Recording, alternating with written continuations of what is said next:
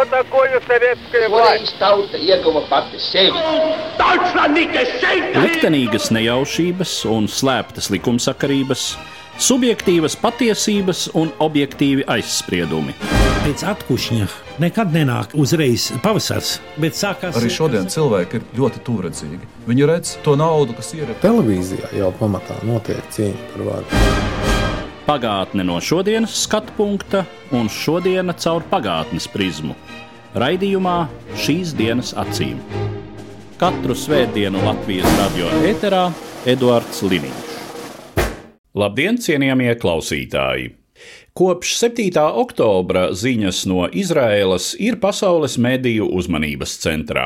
Kustības Hamas teroristiskais iebrukums Izraēlas teritorijā no Gazas joslas atgādinājis pasaulē par vienu no tās sasāpējušajiem konfliktiem - Izraēlas valsts un Palestīnas arābu līdzās pastāvēšanas problēmu.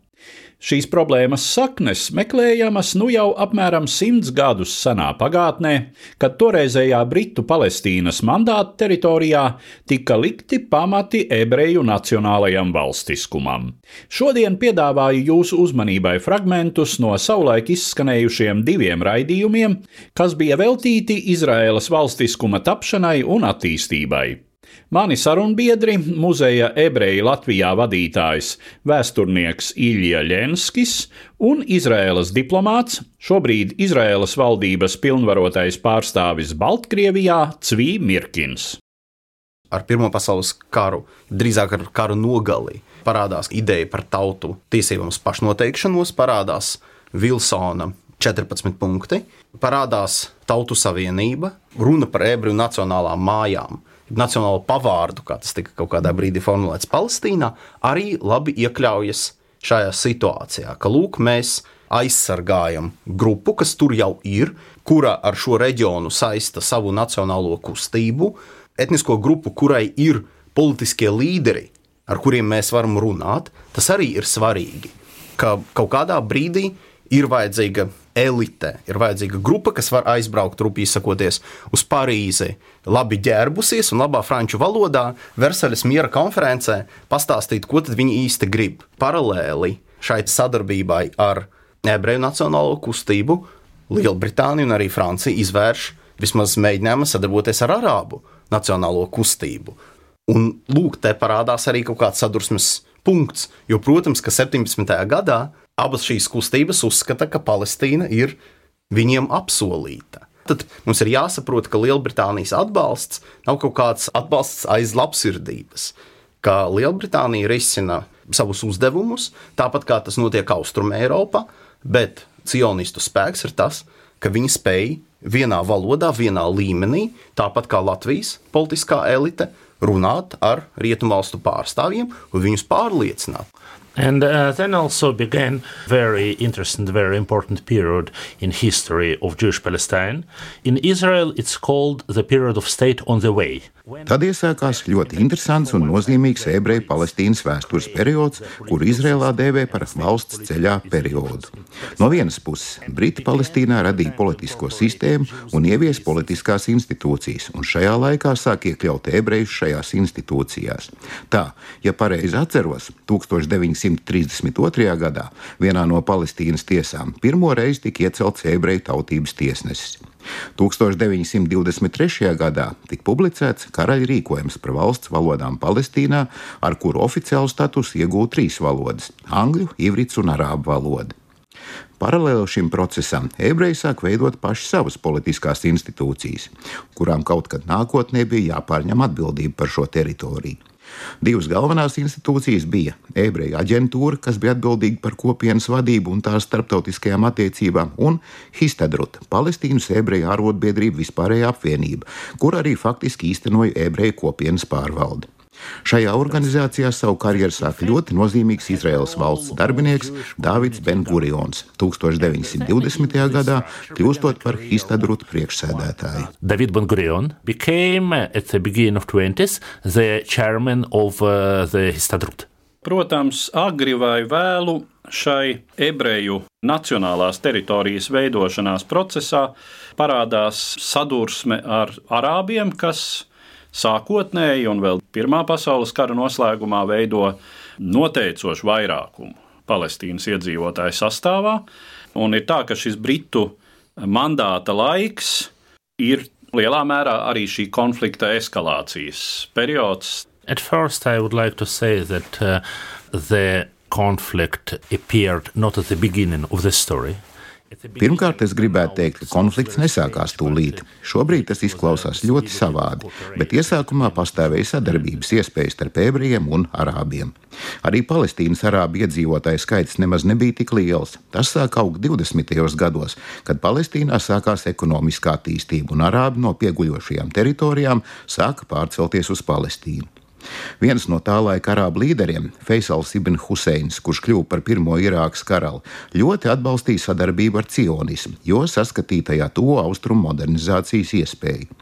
Problēmas cēlonis radās Palestīnā, un, lai cik dīvaini nebūtu, formāli tas nebija saistīts ar ebrejiem. Palestīnas arābus pārvaldīja divi klani, starp kuriem nevaldīja sevišķi labas attiecības. 20. gada sākumā konflikts starp šiem diviem klaniem faktiski pārauga karā. Viens no klaniem, kas sākotnēji bija ietekmīgāks, Naša šī bija dzimta, ieturēja samērā pozitīvu nostāju pret ebreju apmešanos Palestīnā. Attiecīgi pretējais klans, Al-Huseinī dzimta, izvēlējās antiebreju pozīciju kā daļu no cīņas pret saviem palestīniešu pretiniekiem. Al-Huseinī klanam šai cīņā izdevās uzvarēt.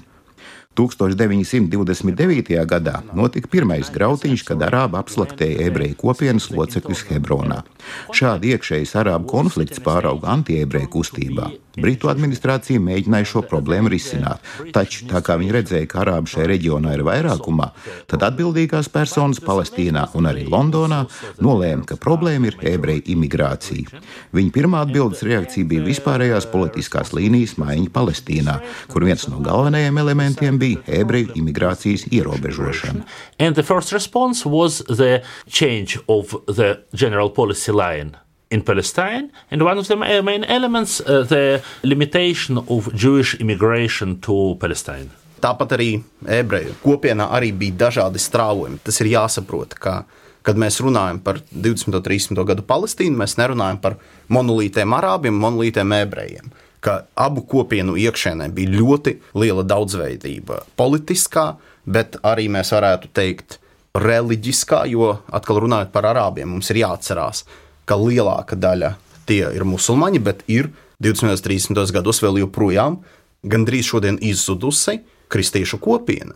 Un tieši arābi kristieši ir intelektuāli ietekmīga, ir moderna arābu sabiedrības daļa.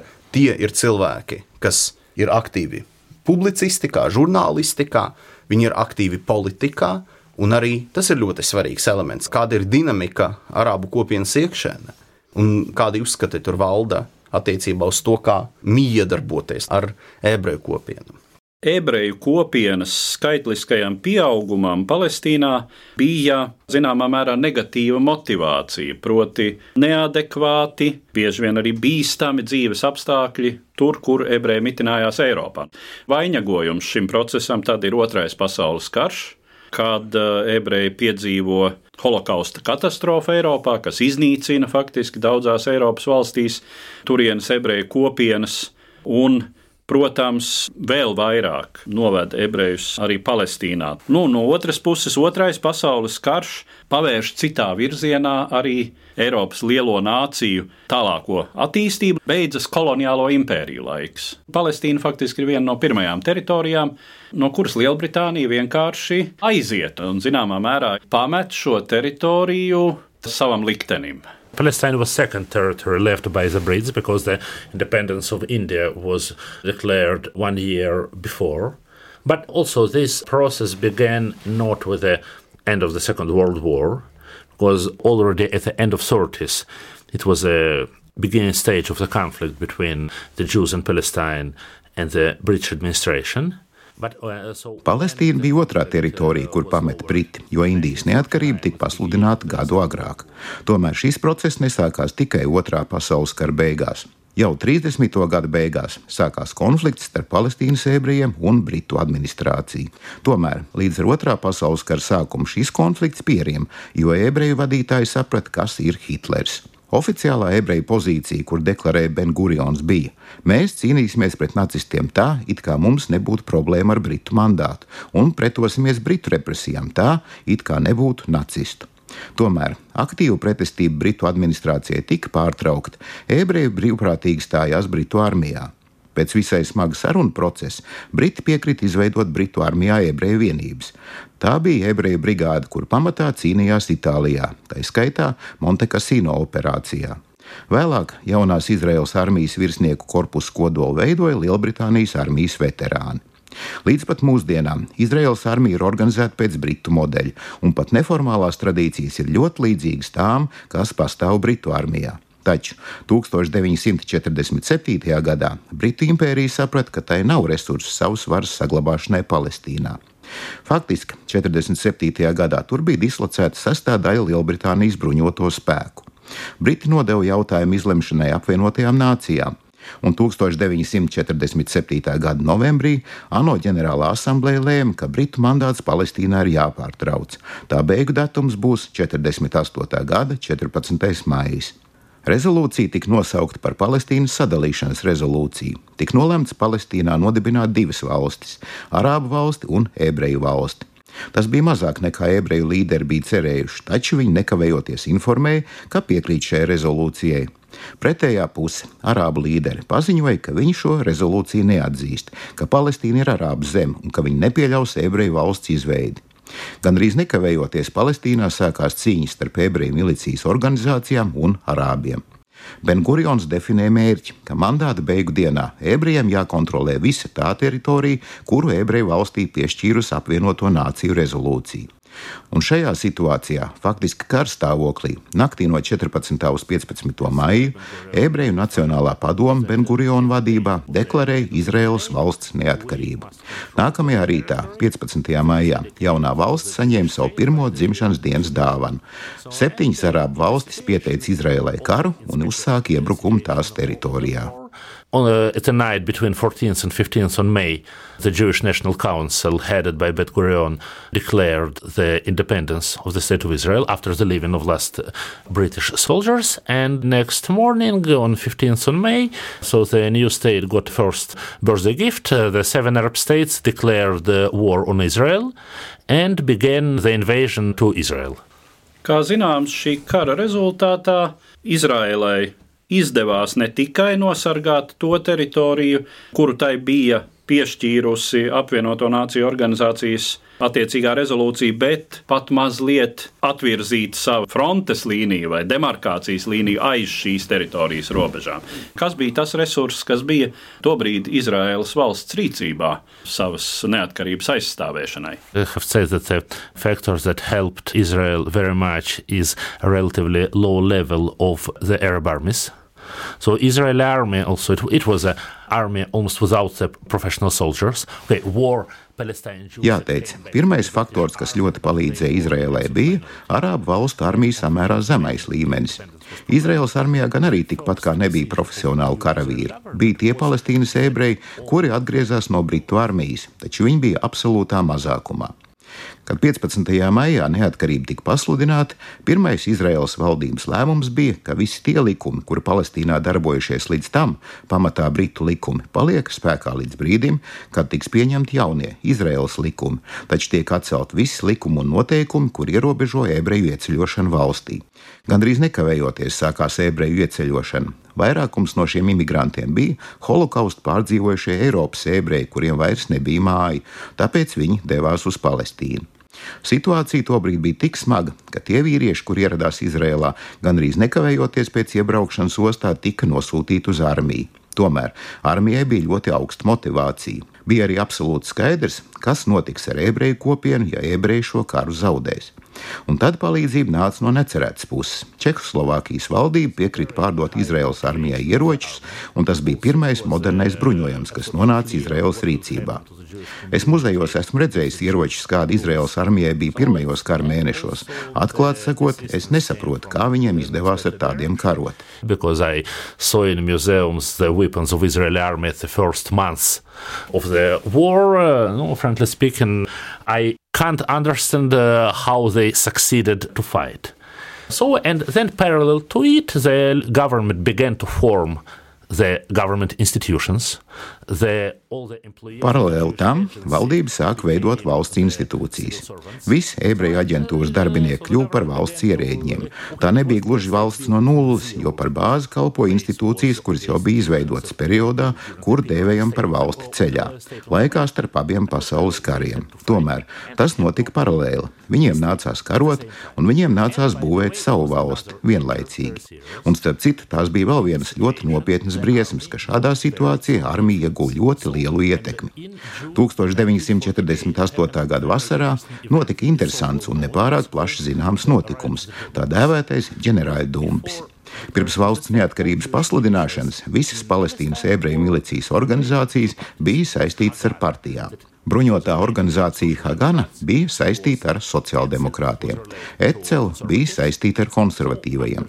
Kad tika izdots dekrets, ka tiek dibināti Izraels aizsardzības spēki, ebreju saīsinājumā saukti Cahal, Izraels valdība izdeva rīkojumu par visu šo milicijas organizāciju likvidāciju un to locekļu mobilizāciju armijā.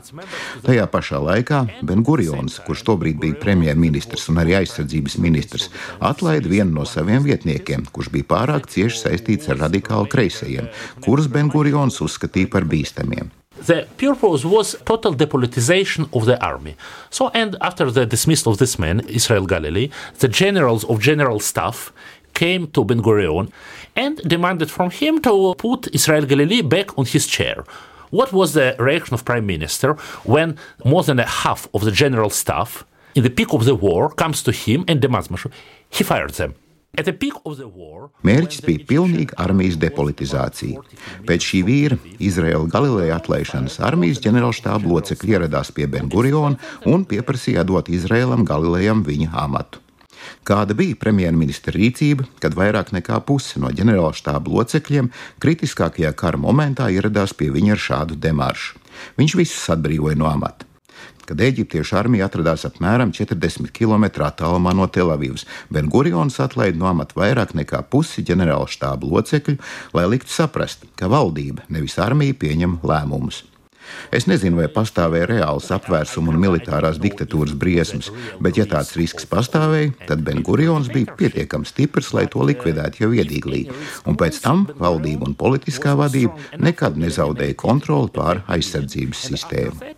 The government the political leadership never lost control on the defense uh, system. Un kas vēl bija svarīgi, ka izdevās arī pārvarēt kaut kādā ziņā ebreju organizāciju iekšējos konfliktus, jo starp teiksim, sociāldemokrātiem un labējiem cionistiem, revizionistiem bija ļoti saspringtas attiecības. Un tajā brīdī, kad revizionisti, labējie, saņēma sūtījumu ar ieročiem, ļoti slavens stāsts par Altalēna kuģi un kreisocionistu vadība vienkārši iznīcināja šo sūtījumu. Labējie cionisti pieņēma tomēr lēmumu necīnīties pret kreisiem cionistiem. Tas arī bija ļoti svarīgi, ka cilvēki faktiski uz 30 gadiem, ja mēs tā varam teikt, atkāpās nevis no politiskās cīņas, bet iesaisties tikai legālā politiskā cīņā. Savukārt, arābu līderi nevarēja, neizdevās viņiem nonākt līdz kaut kādai vienotai politikai. Tur bija ļoti daudz partiju, kas bija saistītas gan ar citām arābu valstīm, gan ar kaut kādiem iekšējiem konfliktiem, klaniem. Un, attiecīgi, protams, tas ļoti pamatīgi ietekmēja arābu armiju kaujas spējas. Izraēlas sabiedrībā It īpaši, ja mēs runājam par 40. un 50. gadu mīju, ir fantastiski daudzveidīga sabiedrība. Jo paralēli Izraēlas valsts tapšanai, pat ne tikai izveidošanai 48. gadā, bet jau tapšanai 46., 7., 8. gadā sākas pretebreju grautiņi un tad vienkārši izraidīšana no arābu valstīm. Mēs runājam pēc dažādiem aprēķiniem, ja nemaldos, no 800 tūkstošiem līdz miljonam cilvēku, kas tika izraidīti no arābu valstīm 40. un 50. gadu mijā. Lielākā daļa šo cilvēku nonāk Izrēlā. Cilvēki ar savu kultūru, milzīgs pieplūdums cilvēku no Austrum Eiropas, bet atkal ar dažādu pieredzi, jo, protams, cilvēki no Baltkrievijas un cilvēki no Vācijas ir cilvēki ar ļoti dažādu pieredzi un ļoti dažādiem uzskatiem atkal ir mazākas grupas, bet kas arī ir ietekmīgas. Tā ir ļoti daudzveidīga sabiedrība. Bet kas noteikti notiek, kā kreisie cionisti, sociāldemokrāti, mēs varētu teikt, kas ir ļoti kreisi. Viņi faktiski kontrolē Izraēlas politisko dzīvi pirmos 29 gadus. Viņi tiek ievēlēti absolūti demokrātiskā ceļā. Tas ir svarīgi, bet viņi ir visorganizētākais spēks un vispieredzējušākais. Bengurions ir ļoti populārs politiķis, bet ļoti kontroversāls. Pret viņu vēršanās viņa pašā partijā, kaut kādā brīdī viņš atkāpjas, viņš atgriežas politikā. Tad 77. gadā situācija mainās, un kopš tā brīža atkal mēs redzam, ka Izraela ir jau nu, totāli normālā politiskā dzīve, ar ķīviņiem, ar konfliktiem, ar savstarpēju lamāšanos, respektīvi to, ko mēs tik labi pazīstam no Latvijas dzīves. And all this on the very hard economical background, because in Israel only in 1962 were cancelled the coupons for buying of basic food and goods. Tas viss notika uz ļoti smagas ekonomiskās situācijas fona. Tikai 1962. gadā Izraela atcēla kartītes svarīgāko pārtiks un rūpniecības preču iegādēji. Ir ļoti populārs mīts, ka 50. un 60. gados Izraels valdība ir mēģinājusi uzbūvēt sociālistisku sistēmu. Sociālisms Izrēlā nekad nav pastāvējis. Viņi būvēja labklājības valsti, viņi būvēja sistēmu ar ļoti spēcīgu valsts sektoru, un viņiem nebija citas izvēles. 1948. gadā Palestīnā bija 650 tūkstoši ebreju. 50. gadu laikā Izrēlā ieplūda gandrīz miljons imigrantu. Uzņemt un integrēt visu šo masu būtu absolūti neiespējami bez spēcīga valsts sektora. Taču viņi nekad nedomāja par sociālistisku sistēmu marksistiskajā izpratnē, jo šādas sistēmas viens no pamatelementiem ir plānveida ekonomika, bet Izrēlā vienmēr ir pastāvējis brīvais tirgus. Pat valsts korporācijas spēlē pēc šī tirgus nosacījumiem kā neatkarīgi spēlētāji, kuriem nākas konkurēt ar pārējiem.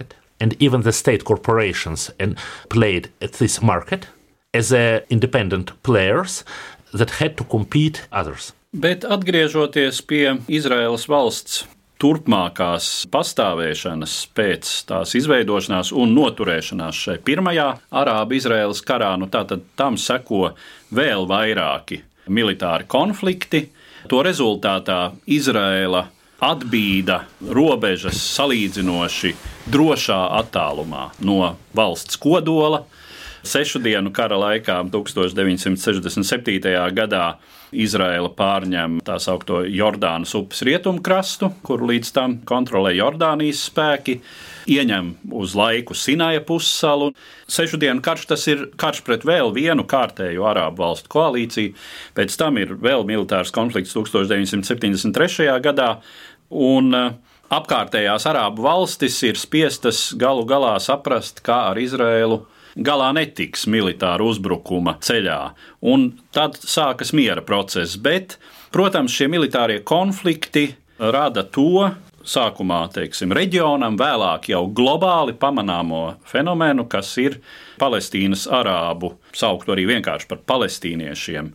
Bēgļu situācija ar to saistītās palestīniešu pret Izraēlu vērstās organizācijas, to izvērstais starptautiskais terorisms. Kā mēs varam raksturot palestīniešu problēmas risinājumu no Izraēlas viedokļa? No, first, even before the declaration of independence, the Jewish leadership in Palestine understood very well that there is a Palestinian population here, and we have nothing to do with it. They will be. Pirmkārt, jau pirms neatkarības deklarēšanas Palestīnas ebreju vadītāji ļoti labi saprata, ka tur ir palestīniešu iedzīvotāji un tur neko nevar darīt. Viņi tur būs.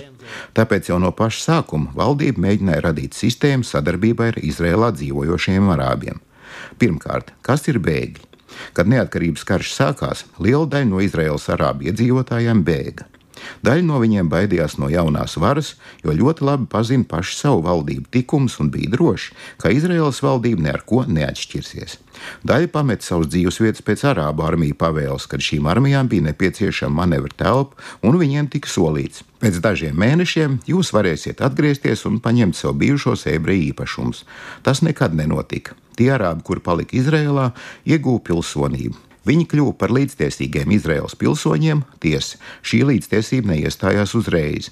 Pagāja zināms laiks, pirms arābi tika integrēti Izraels civildienestā. Piemēram, pirmais arābu izcelsmes Izraels vēstnieks tika akreditēts 80. gadu beigās, taču viņi ir Izraels pilsoņi. Ir pārstāvēti Knesetā. Viņiem ir pašiem savas partijas, bet viņi var iestāties arī ebreju partijās. Tā sauktie bēgļi ir tie arābi, kuri ir aizbēguši no Izraēlas un palikuši arābu kontrolētajās teritorijās, pamatā Eģiptē un Jordānijā. Un te sākās problēma, jo vienīgā arābu valsts, kur ir piešķīrusi šiem bēgļiem pilsonību un normālu statusu, ir Jordānija. Bēgļi Sīrijā, Libānā un Eģiptē, pamatā Gazas joslā, joprojām ir bez jebkāda statusa. Piemēram, kad Eģipte kontrolēja Gazas joslu laikā no 48. līdz 67. gadam, Gazas iemītnieki nevarēja pamest šo teritoriju un doties uz Eģipti, jo robeža bija slēgta. Robežu starp Eģiptu un Gazas joslu ļoti stingri kontrolēja eģiptiešu militārā administrācija, kur tajā pašā laikā organizēja pirmo teroristisko darbību pret Izraēlu.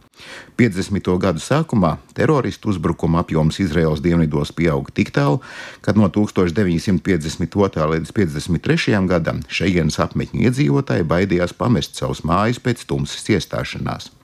Tas sāk mainīties 54. gadā, kad Izraels militārais izlūkdienests īstenoja savu pirmo sekmīgo operāciju un likvidēja eģiptiešu izlūkdienestu šefu Gāzes joslā, kurš arī tad bija atbildīgs par visām šīm teroristiskajām darbībām.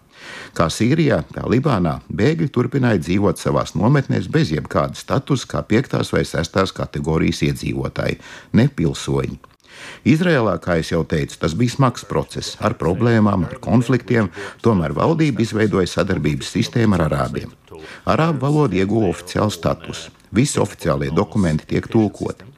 Arābiem ir sava pusautonoma izglītības sistēma. Tā nav autonomija, jo Izraela ir unitāra valsts, nevis federācija, bet sava izglītības sistēma arābiem ir. Tāpat bija mēģinājumi integrēt arābus Izraels politikā. Process nav bijis viegls un joprojām nav pabeigts, taču fakts ir tas, ka Izraēlas arābi ir pilntiesīgi pilsoņi. Israeli Arabs are uh, full rights citizens. Kas vēl ir svarīgi, ka faktiski tās sausumās bēgļu nometnes pastāv arī šodien, 70 gadus pēc konflikta. Un, ja sākotnēji 40. un 50. gadu mijā tas bija saprotams, jo bija arī arābu starpā cerība drīz atgriezties, tāpat, ka mēs varētu vilkt paralēlis. Protams, ka 47. un 8. gadā liela daļa baltiešu Eiropā cerēja, ka tomēr varbūt izdosies tuvākajā nākotnē atgriezties. Nav iedomājams, ka šodien pastāvētu vēl joprojām DP nometnes Vācijā un Austrijā. Arābu valstīm bija izdevīgi saglabāt šīs tā saucamās bēgļu nometnes, kas tika lielā mērā sponsorētas no starptautiskām organizācijām, kas šodien ir jau faktiski pilsētas, drausmīgi depresīvas pilsētas ar ļoti zemu sociālo līmeni, bet kas vēl joprojām turpina funkcionēt, ka it kā tās ir bēgļu nometnes. Šī pagaidu struktūra tiek saglabāta jau 70 gadu garumā, un, protams, kad tu dzīvo vairāku pauģu garumā absolūti bez nākotnes, nekas labs no tevis nevar sanākt. Lielākoties arābu valstis vienkārši iedzina šos cilvēkus gan nabadzībā, gan vienkārši nenormālā stāvoklī. Un, protams, terorisms dzima arī kā mēģinājums kaut kā vispār izrauties no šīs te. Un runājot par ārējo aspektu, ir viens skaists fakts. PAO, Palestīnas atbrīvošanas organizācija, tika nodibināta 1962. gadā, kad Jordānas upes rietumkrasts un Gazas josla bija arābu kontrolē. Un tad pirmais PAO līderis, Ahmeds Šukeirī, deklarēja, ka viņa mērķis ir iemest ebrejus jūrā. Un otrs fakts. 1967. gadā, apmēram mēnesi pēc sešu dienu kara, Izraels valdība lika priekšā Arābu valstu valdībām uzsākt sarunas, nepārprotam norādot, ka Izraela ir gatava pamest kara rezultātā tās kontrolē nonākušās teritorijas, parakstot attiecīgus mierlīgumus. Atbilde tika saņemta gadu vēlāk, kad 68. gada vasarā Hartumā sapulcējās Arābu līgas valstu samits.